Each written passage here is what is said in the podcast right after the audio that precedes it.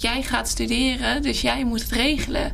En als ouder kan je daar wel gewoon heel erg in stimuleren. Zo van, joh, misschien is het handig om dit en dit te doen, maar ja, uiteindelijk moet de student het gewoon doen. En misschien ook maar accepteren dat ze een keer een keuze maken waar je niet achter staat. Maar ja, daar leer je uiteindelijk wel veel meer van.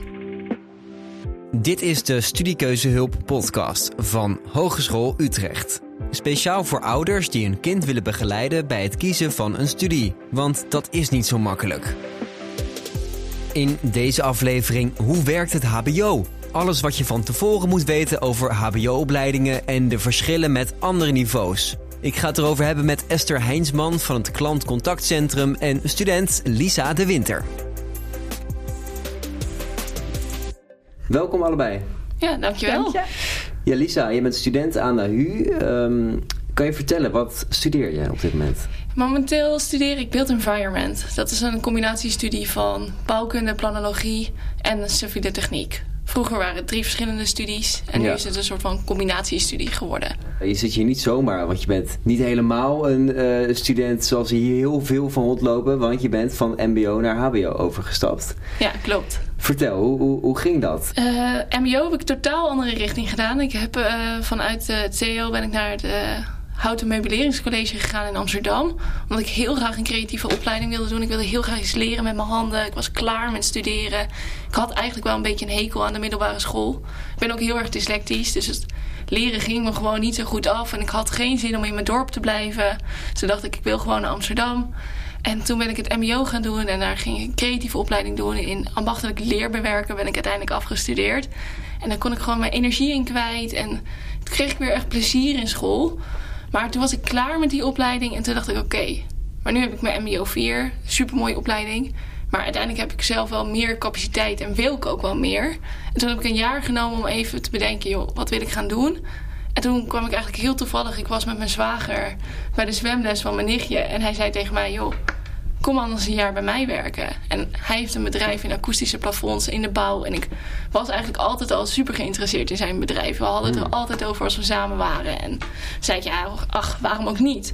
En toen ben ik daar gaan werken. Begon ik als eh acquisist, ging ik naar architecten. En uiteindelijk moest ik ook naar de bouwplaats. En toen werd het een soort van combinatiebaan... waarvan ik of bij vier architecten op een dag was... of bij de, op de bouwplaats moest controleren... of dat eh, die jongens wel hun werkzaamheden kon- konden Ja. doen. En toen kwam ik uiteindelijk weer terug bij wat ik als kind altijd zei. En dat is architect worden. Toen dacht ik, ja, ik ga gewoon op zoek naar een HBO waarin ik dit werk later gewoon uiteindelijk ook met mijn diploma kan doen. Want een diploma is zoveel meer waard en je komt er gewoon verder. Ja, En zeker ook omdat ik wist dat ik de capaciteit had. ja, maar toch van de mode naar de bouw, dat klinkt als een grote stap. Ja, dat klinkt, dat klinkt heel erg als van de meiden naar de mannenwereld. Zo wordt het ook heel vaak tegen me gezegd. Maar uiteindelijk is het best wel hetzelfde. Het zijn wel twee werelden waarin iets gecreëerd wordt. Waarin je dus uiteindelijk ook iets bedenkt en er een resultaat is. Ja, En bij de mode was het gewoon gericht op het ontwerpen, maken. Dan heb je het product, dan verkoop je het. En in de bouw ben je ook bezig met iets ontwerpen, iets fine-tunen... om het uiteindelijk ook daadwerkelijk neer te zetten. Ja, Dus die processen zijn best wel hetzelfde, alleen een totaal ander product. ja. En de reden dat je hier zit in deze podcast, die gaat over eh, ja, hoe de hogeschool werkt, is natuurlijk omdat jij heel goed kan uitleggen, ja, wat zijn nou precies de verschillen Ja, dat hoop ik dan maar, hè? de Als dat MBO heel goed is. Ja, dat komt vast goed. Tussen het MBO en het HBO. En, en ehm, ja, wat, Ja. Wat, ver- wat, ja, wat, wat maakt de hogeschool de hogeschool? Kan jij vertellen, wat waren de grote verschillen toen je op de hogeschool kwam? Nou ja, bij mijn MBO had ik gewoon nog echt een klas. Ik heb vier jaar in dezelfde klas gezeten. We hadden een rooster en dat was heel vaak gewoon van 9 tot 5. Ook omdat ik daar creatief bezig was. Dus al mijn huiswerk daar moest doen in alle werkkamers en machinales. Maar in het HBO, ja, je hebt je leerteam. Maar daarnaast heb je gewoon colleges. Je volgt je eigen route. Je bent veel meer op jezelf aangewezen. Dus dat was voor mij wel even een soort van overschakeling. Want ja, je hebt dat op de middelbare school ook. Je hebt je klas, je rooster. Je wordt best wel voor je voorgekoud waar je heen moest. En bij het HBO moet je toch zelfstandiger bedenken. Oké, ik moet hierheen, ik heb dat, ehm, ik volg mijn eigen route, ik heb eigen verantwoordelijkheid. Dus ik denk dat dat gewoon wel echt het verschil is. Dat het MBO nog veel meer op de middelbare lijkt, waar je echt dat schools hebt. En hier op het MBO, veel, of op het HBO bedoel ik, veel meer op jezelf bent toegewezen. Ja. En daarnaast heb je zeker wel begeleiding, maar daar moet je wel echt zelf om vragen. Oké. We gaan het er zo verder over hebben, ook hoe jij het hebt ervaren en Ja. hoe die omschakeling ging. Even naar jou, Esther, want jij werkt bij het klantcontactcentrum. Ja. Wat doen jullie precies? Uh, wij geven uh, studieinformatie aan uh, ja, scholieren, studiekiezers, mensen die geïnteresseerd zijn om te gaan studeren. Ehm, dus dat, kan, nou ja, dat zijn mensen vanaf het MBO, mensen die nu op de HAVO zitten, VWO-scholieren, maar ook voor deeltijd. Dus ook mensen die nou, later zich nog willen omscholen. en die kunnen ons vragen stellen per mail, WhatsApp of ons bellen. Ja. Uh, met nou ja, vragen over, ja, een beetje inhoudelijke vragen over de opleiding, uh, praktische dingen. Hè, hoe gaat dat aanmelden? Ja. Uh, wanneer zijn de open dagen? Dat soort dingen. Ja, dus jij weet eigenlijk alles over de Hogeschool Utrecht. veel, maar niet alles. We gaan het proberen, deze podcast. Maar uh, wat voor vragen kom je vaak tegen van, uh, van potentiële studenten? Nou, bijvoorbeeld, uh, hè, hoe werkt dat dan? Ze komen natuurlijk vanaf of van MBO of vanaf de middelbare school. Dus dan krijg je toch een hele andere, andere structuur. Van, hè, en hoe werkt dat? En zit je dan iedere dag van 9 tot 5 bijvoorbeeld op school? dat soort dingen. Ehm, dus dat, dat, daar zijn ze in geïnteresseerd. Ja, en natuurlijk gewoon inhoudelijk over de opleiding. Wat kan je ermee? Ja. dat soort vragen. Ja, ja. En, en ook denk ik de, de hele praktische dingen van ja, wat, wat, hoe, hoe werkt nou het eerste jaar bijvoorbeeld? Ja, dat soort dingen. Termen ja. inderdaad, zoals propeduizen. Uh, dat soort dingen worden inderdaad gevraagd. Ja, want um, ja, en ouders bellen ook nog wel. Hè. Die zijn ook niet altijd bekend met alle, alle termen. Uh, want begin, ja, ergens begin 2000 zijn we overgestapt naar bachelor-master systeem in Nederland. Mm -hmm. um, en daar, ja, dat is eigenlijk een systeem wat internationaal wordt gebruikt. Uh, dus je, uh, je begint met een bacheloropleiding. Op het HBO zo'n bachelor is dan uh, vier jaar. Um, en die heeft een. Uh, ja, je, hebt dus een, je kiest voor een opleiding. En dat is zeg maar. nou, bijvoorbeeld build environment. maar daarbinnen heb je ook nog een half jaar vrije keuzeruimte. Ook wel minor genoemd. en daar zijn studiekiezers vaak ook in geïnteresseerd. Hè, van kan je bijvoorbeeld naar het buitenland met de opleiding. Mm-hmm. nou, en in zo'n vrije keuzeruimte kan dat heel makkelijk. En zeker doordat we dat bachelor-master systeem, doordat dat internationaal is. Uh, en ook internationaal werken met dezelfde soort studiepunten. Um, kunnen studenten dan ook heel makkelijk een uitwisseling doen naar een andere universiteit. Um, bijvoorbeeld naar uh, Londen. Ja. Uh, of nou, dat is misschien nu lastig met de brexit. uh, maar uh, ja, je hebt het Erasmus-programma, waardoor studenten ook nog extra financiering krijgen en zo. Dus dat is Europees, is dat heel fijn geregeld. Ja. Dat we met één systeem zo werken. En over het eerste jaar, dan begin je natuurlijk met het balen van je propeduizen. Ja. Hoe werkt dat precies? Ja, dat is ook inderdaad een vraag die vaak wordt gesteld. De propeduizen is eigenlijk gewoon het eerste jaar. Dus we werken in het hoger onderwijs, dus op de universiteit en, en in het HBO met studiepunten. en één jaar, dat zijn 60 studiepunten die je kan halen. En als je alle 60 studiepunten uit het eerste jaar hebt gehaald, dan heb je propeduizen. Ja. En stel je haalt het eerste jaar, haal je er 55, uh, dan kan je in het jaar 2 gewoon die vijf punten, die, doe je, die herkans je dan. En als je dan al die 60 punten uit het eerste jaar hebt, krijg je dan alsnog je propeduizen. Ja. Dus het is niet iets wat je, dat is vaak een misvatting, dat je dat alleen in het eerste jaar kan afronden. Uh, dat kan ook nog eventueel in het tweede jaar, zolang je wel maar voldoende studiepunten haalt. Want heel veel opleidingen hebben wel nog een bindend studieadvies oftewel een BSA. Ja. Dat wordt ook vaak, hè, die term wordt vaak gebruikt. Ook niet altijd bekend voor nieuwe studenten. Een BSA. Een BSA, ja. bindend studieadvies. Ja, en uh, dat verschilt per opleiding. Niet alle opleidingen hebben het meer. Uh, en het verschilt soms ook nog uh, per hogeschool, per studie, hoeveel punten je moet halen. maar bijvoorbeeld vaak heb je dan iets dat je bijvoorbeeld 50 van de 60 punten in het eerste jaar moet halen. Haal je die niet, dan moet je van de opleiding af Tenzij er persoonlijke omstandigheden zijn of zo, dan kan je altijd um, kan je daar uitstel voor krijgen. Ja, dat je naar, naar een decaan gaat. En, uh... Precies, ja. Zoek dan wel altijd hulp inderdaad. Hè, en, en, geef dat op tijd aan, maar dan, uh, dan ja. is er uh, wat te regelen. Ja, en als je het in het eerste jaar dus niet behaalt, die poppenduizen, kun je dat in het tweede jaar nog doen? Als je het dan niet haalt, dan moet je ook van opleiding? Nee, ook niet. Nee, zolang je maar dat, zorgt dat je dit bindend studieadvies, dat je dat oh, hebt okay. gehaald. Ja, want ik heb zelf ja. mijn propeduis in jaar drie pas. Uh, oh, dat was nog één zo'n vak wat ik voor me uitschoof. dacht, oh, dat komt nog wel een keer. Ja, ja dat in, kan in elk jaar heb je dan een BSA, een, een studieadvies wat je krijgt? Uh, nee, alleen in het eerste jaar. Oh. Ja, dus als je die eenmaal hebt gehaald... Ja dan, dan ben je uh, veilig. Dan eigenlijk. ben je een soort van veilig, ja. Oké. Ja, ja, dan moet je wel opletten als je echt heel lang over de studie doet. Op een gegeven moment verlopen studiepunten. Oké, hoe ging dat bij jou, Lisa? Heb jij het in het eerste jaar gehaald of heb je ook... Oh nee, zeker niet. Nou ja, dat was bij mij dus wel een dingetje. Ik moest een wiskunde B-vak halen. Maar omdat ik van de TL, MBO naar HBO was gegaan, heb ik nooit wiskunde B gehad. Mhm. Dus dat kreeg ik ook meteen in mijn eerste periode toen ik hier begon. En, nou, ik wist al, dit gaat mijn struikelblok worden. En ik heb vier keer die toets gedaan. En uiteindelijk heb ik ervoor gekozen na twee jaar studie om een half jaar ertussenuit te nemen. Om uiteindelijk ja, toch die wiskunde B-achterstand in te halen. Dus toen heb ik hem ja, naar 2,5 jaar gehaald. En ben ik in februari toen gestart met mijn derde jaar. Oké. Omdat ik wel toen voor mijn specialisatie de toelatingseis had om daar aan te starten, was mijn propeduis. Ja. Dus ik kon toen niet beginnen aan mijn derde jaar. En uiteindelijk kwam het voor mij ook wel heel goed uit, want het was en met corona. Dus ik dacht, ja, weet je, het is ook wel goed om even rust te nemen en te zorgen dat ik dit goed onder de knie heb. Want het is niet dat ik het niet kon, maar het was gewoon, je moet drie of vier jaar wiskunde B inhalen zonder Ja. echt eh, lessen zoals je dat op de, op de HAVO hebt gehad. Ja, begrijp ik. Dus dat is wel iets wat, wat nog even lastig was. Ja, zeker, zeker. En dat heb ik denk ik ook wel een beetje onderschat. Ja, Ik dacht, ach, dat komt wel goed. Ik was heel goed in, de, in wiskunde op de TL. Maar ja, dat is totaal ander wiskunde. Dus ik dacht, ah joh, prima, ik start wel. En toen kwam studentenleven een beetje in beeld. En toen waren er veel afleidingen. En uiteindelijk heb ik daar te lang over gedaan. Maar ook weer niet erg. Want het heeft me ook wel weer geholpen om uiteindelijk mezelf wel echt een half jaar de tijd te gunnen om het echt goed te leren. ja, ja. En wat zijn, als je terugkijkt nog naar dat eerste jaren, wat zijn toen dingen die je opviel aan de hogeschool en die, die echt anders waren dan, dan het MBO? Nou ja, ik denk toch wel dat je veel meer op je, je zelfstandigheid bent aangewezen. En ook wel dat je niet echt die aanwezigheidsplicht hebt. Dus dan word je er eerst een beetje laks in. En daarna denk je, oh ja, maar ik doe dit wel echt voor mezelf. En uiteindelijk doe je ook veel meer projecten. Dus vooral mijn opleiding was vooral projecten.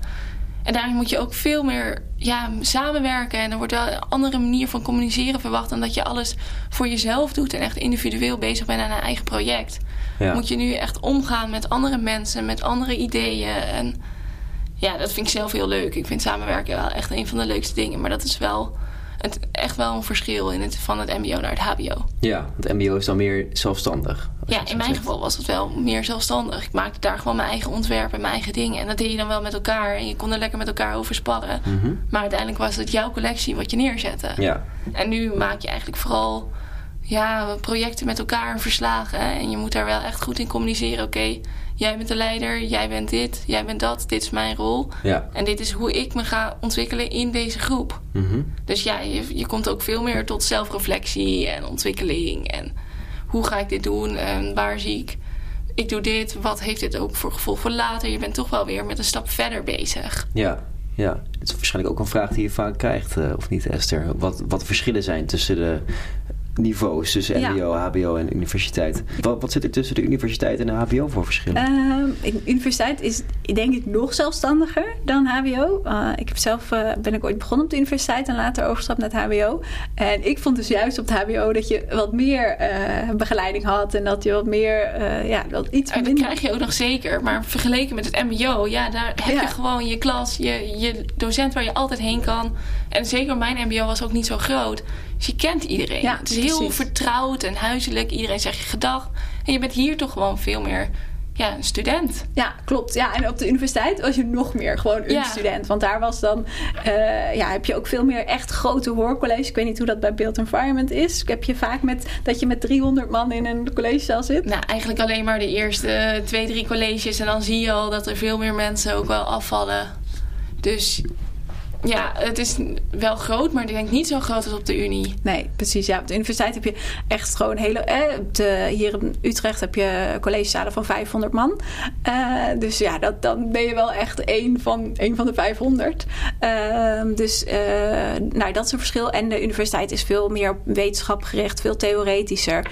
En het HBO is toch gewoon wat praktischer, veel meer opdrachten. Denk met bedrijfsleven.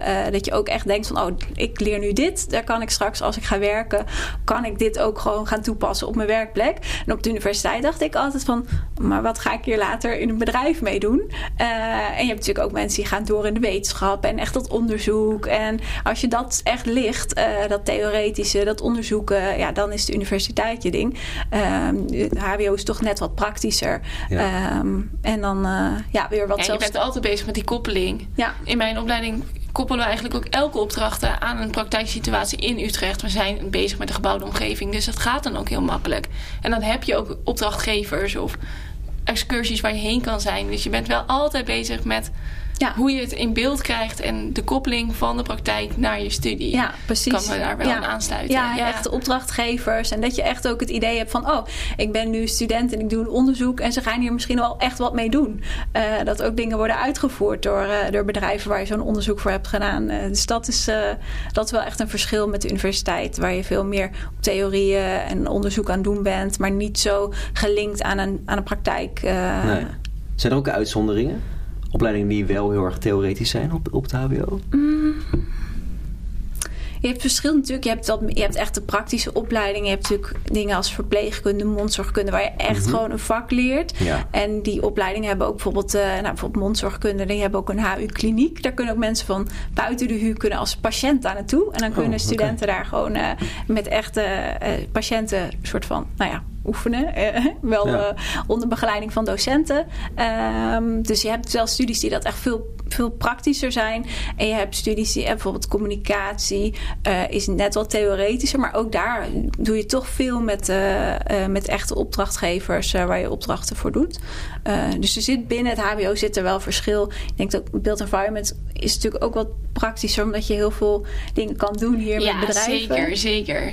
Maar ja, als je het dan weer vergelijkt met MBO, waar ik echt 100% met mijn handen letterlijk mhm. bezig was, dan is dan het HBO toch weer voor mijn gevoel weer een stuk theoretischer. Hm. Maar het is wel de koppeling tussen de praktijk en de theorie wordt steeds gemaakt. En je wordt je wel bewust van het feit: oké, ik ga dit onderzoeken, maar het heeft wel effect op iets. Maar ja, met bouwen komt er uiteindelijk heel vaak een resultaat uit. Dus het maakt ook wel heel bevestigend. Ja. Dan wil ik het even hebben over iets wat je ook kan doen tijdens je opleiding naast de normale vakken, stages. Uh, je hebt ook honors programma's. Kun je daar wat over vertellen, Esther? Um, over stages of over de honors? Ja, allebei. allebei. Maar je mag beginnen uh, met stages. Ja, we beginnen met stages. Uh, ja, bij de HBO is stage is gewoon een belangrijk onderdeel van, van eigenlijk iedere studie. Um, en bij een stage ga je echt, dan doe je dus niet een opdracht op de hogeschool, maar dan ga je echt bij een stagebedrijf ga je stage lopen. Um, het verschilt wel heel erg per opleiding hoeveel stages je moet lopen. Je hebt er wat meer theoretische opleidingen, bijvoorbeeld een communicatie, waarbij je eigenlijk alleen een afstudeerstage zou kunnen doen. Je kan er ook voor kiezen om bijvoorbeeld in die vrije keuzeruimte, die minorruimte, om daar ook stage in te lopen.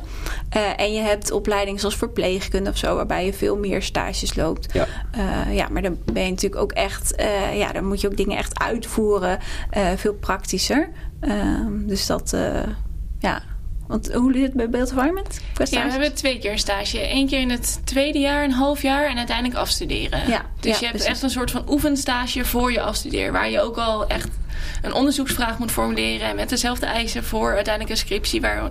Waardoor, je toch een beetje al dat gevoel mhm. krijgt hoe dat uiteindelijk gaat zijn. Ja, want bij zo'n ja. afstudeerstage, daar moet je ook, is eigenlijk altijd een, uh, echt een onderzoek aan gekoppeld. Okay. Uh, dus dan is het niet alleen maar gewoon meedoen in het bedrijf, maar dan vaak komt het bedrijf ook met een soort van onderzoeksvraag van hè, we willen dit verbeteren.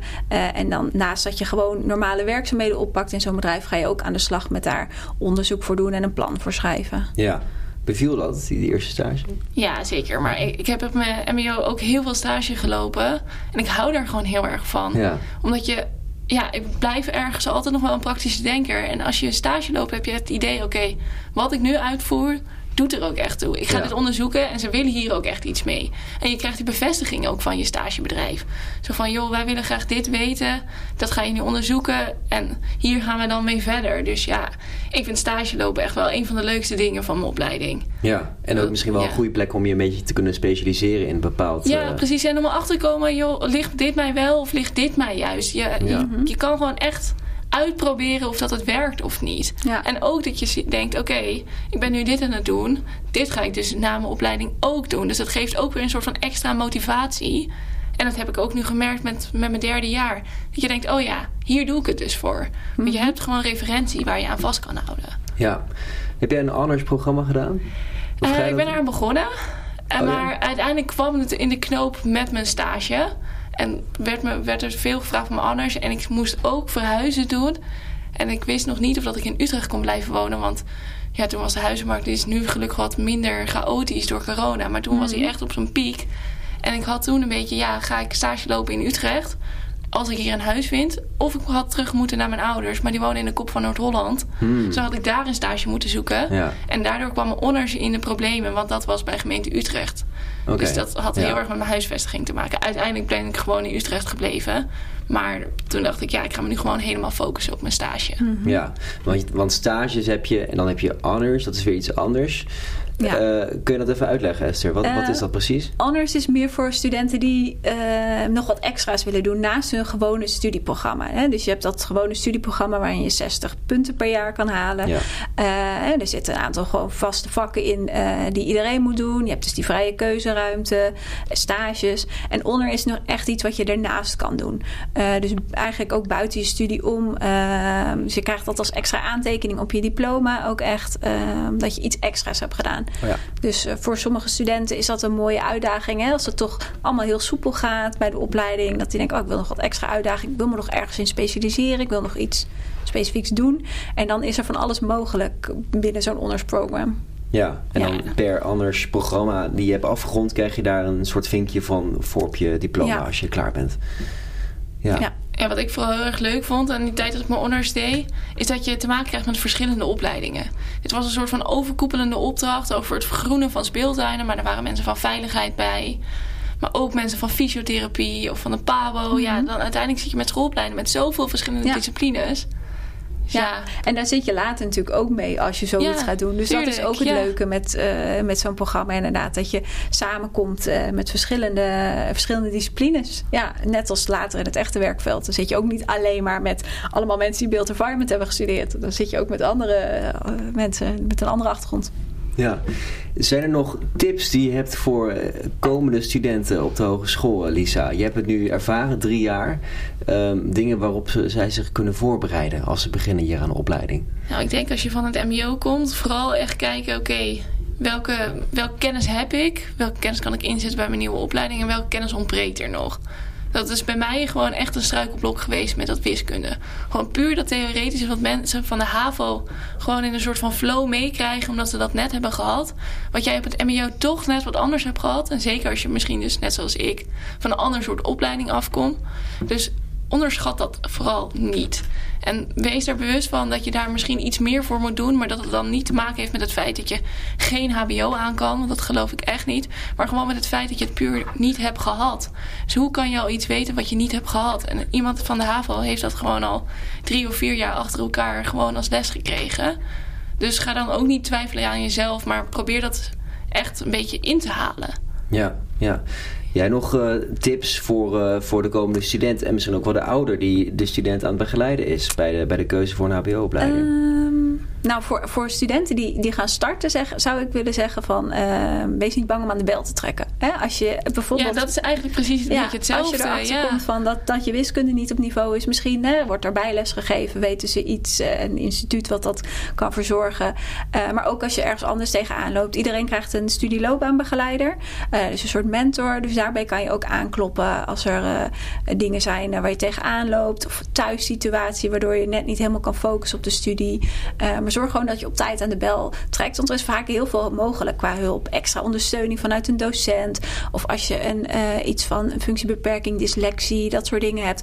Extra tijd bij toetsen. Eh, daar is heel veel mogelijk. Maar je moet het wel zelf aangeven. Ja, en dat is dan ook weer precies dat verschil. Je moet echt wel zelf assertief zijn en dan is het er echt wel. Ja. Maar het wordt niet meer zomaar in Nee, je schoot geworpen. Precies, ja. Dus dat is ook, en dat geef ik vaak ook aan ouders mee hoor. Als die al een beetje zich zorgen maken over hun, over hun, eh, hun kinderen. Zo van, hè, zorg dat ze aan de bel trekken als er iets misgaat. Eh, want we bieden wel heel veel aan qua ondersteuning. eh, ja. Ja, dus tip voor de ouder die luistert. Um, zorg dat je juist op de, op de juiste manier, op het juiste moment aan de bel trekt. wees je vroeg bij. Ja, precies. Ja, en, en verder ook, hè, laat je kind uiteindelijk die keuze maken. Want dat zie ik nog ook wel eens. Hè. Ik spreek ook veel ouders. We gaan ook door het land, we op scholenmarkten met middelbare scholen. En dan, ja, die, die leerling, of, die, of dat kind van die ouder, die moet de keuze maken. En vaak staan ouders alle vragen te stellen. En staat het kind er een beetje bij van, nou ja, het gaat niet over mij. Oh ja, ja. Terwijl het kind moet gaan studeren. Dus die moet ook uiteindelijk de knoop doorhakken en bedenken van wat wil ik, wat vind ik leuk. En als ouder kan je natuurlijk je kind daarin stimuleren en vragen stellen. Maar zorg wel dat, dat, die, dat je kind uiteindelijk uh, de beslissing maakt. Ja, ik zie een beetje lachen, Lisa. Hoe ging dat bij jou? Nou ja, ik was al wat ouder toen ik begon. Want doordat ik mijn MBO heb gedaan en een jaar heb gewerkt, was mhm. ik 20 toen ik op begon, 21. Dus ja, ik was zelf al wel wat assertiever. Dus dan heb je dat al wel ontwikkeld. Maar ja. ja, dat is uiteindelijk wel, jij gaat studeren, dus jij moet het regelen. En als ouder kan je daar wel gewoon heel erg in stimuleren. Zo van, joh, misschien is het handig om dit en dit te doen, maar ja, uiteindelijk moet de student het gewoon doen. Ja. En dat is voor ouders denk ik ook gewoon wel een momentje van loslaten. Want op de middelbare, dan ben je er nog best wel bij betrokken. En dat moet je toch wel een beetje gaan loslaten op het moment dat. En misschien ook maar accepteren dat ze een keer een keuze maken waar je niet achter staat. Maar ja, daar leer je uiteindelijk wel veel meer van. Ja, werd jij ook goed losgelaten? Ja, maar ja, ik woonde ook al op mezelf voordat ik ging studeren. Dus dat is denk ik ook wel een andere situatie. Oké. Denk ik, ja. ja. Maar dat loslaten... Nog steeds hoor. Nog steeds als er iets is, dan bel ik altijd mijn ouders. Ja. Ze zijn altijd mijn achterban. Maar ja, ik heb een hele goede band met mijn ouders. Dus dan gaat dat heel makkelijk. En mhm. uiteindelijk ja, zeggen zij gewoon... joh, je moet dit gaan doen. En zij hebben voor dat wiskunde ook de hele tijd gezegd... zoek naar bijles, zoek naar bijles. Maar dan was ik ook de eigenwijs. En uiteindelijk heb ik daar wel nu heel veel van geleerd. Dus ja, je kan op een gegeven moment als ouder ook niet meer doen. En dan moet je het maar zelf ondergaan en ondervinden. Ja, ja. Al met al blij met je overstap geweest van mbo naar hbo? Oh ja, zeker, zeker ik heb ook echt heel veel zin om nu gewoon afgestudeerd te zijn en om hier verder in te werken. En ja, je kan gewoon zoveel meer met een HBO. En zelfs als ik eventueel toch terug zou willen naar waar ik voor heb gestudeerd in mijn MBO, want die liefde is echt nog niet verdwenen, heb ik wel mijn HBO-opleiding. Dus je kan wel een bepaald denkniveau laten zien. En ik wilde dat ook gewoon heel graag, ook als een soort van bewijs aan mezelf. Ja, mooi. Dank jullie wel voor jullie komst. Ja, graag gedaan. Dit was hem, de aflevering over hoe het HBO nou eigenlijk werkt. Wil je meer weten over dit onderwerp? Check dan even onze website hu.nl/slash studiekeuze. En wil je meer weten over het studiekeuzeproces op zich? Luister dan gewoon even een andere aflevering van de Studiekeuzehulp podcast. In ieder geval, dankjewel voor het luisteren en tot de volgende. Hoi hoi!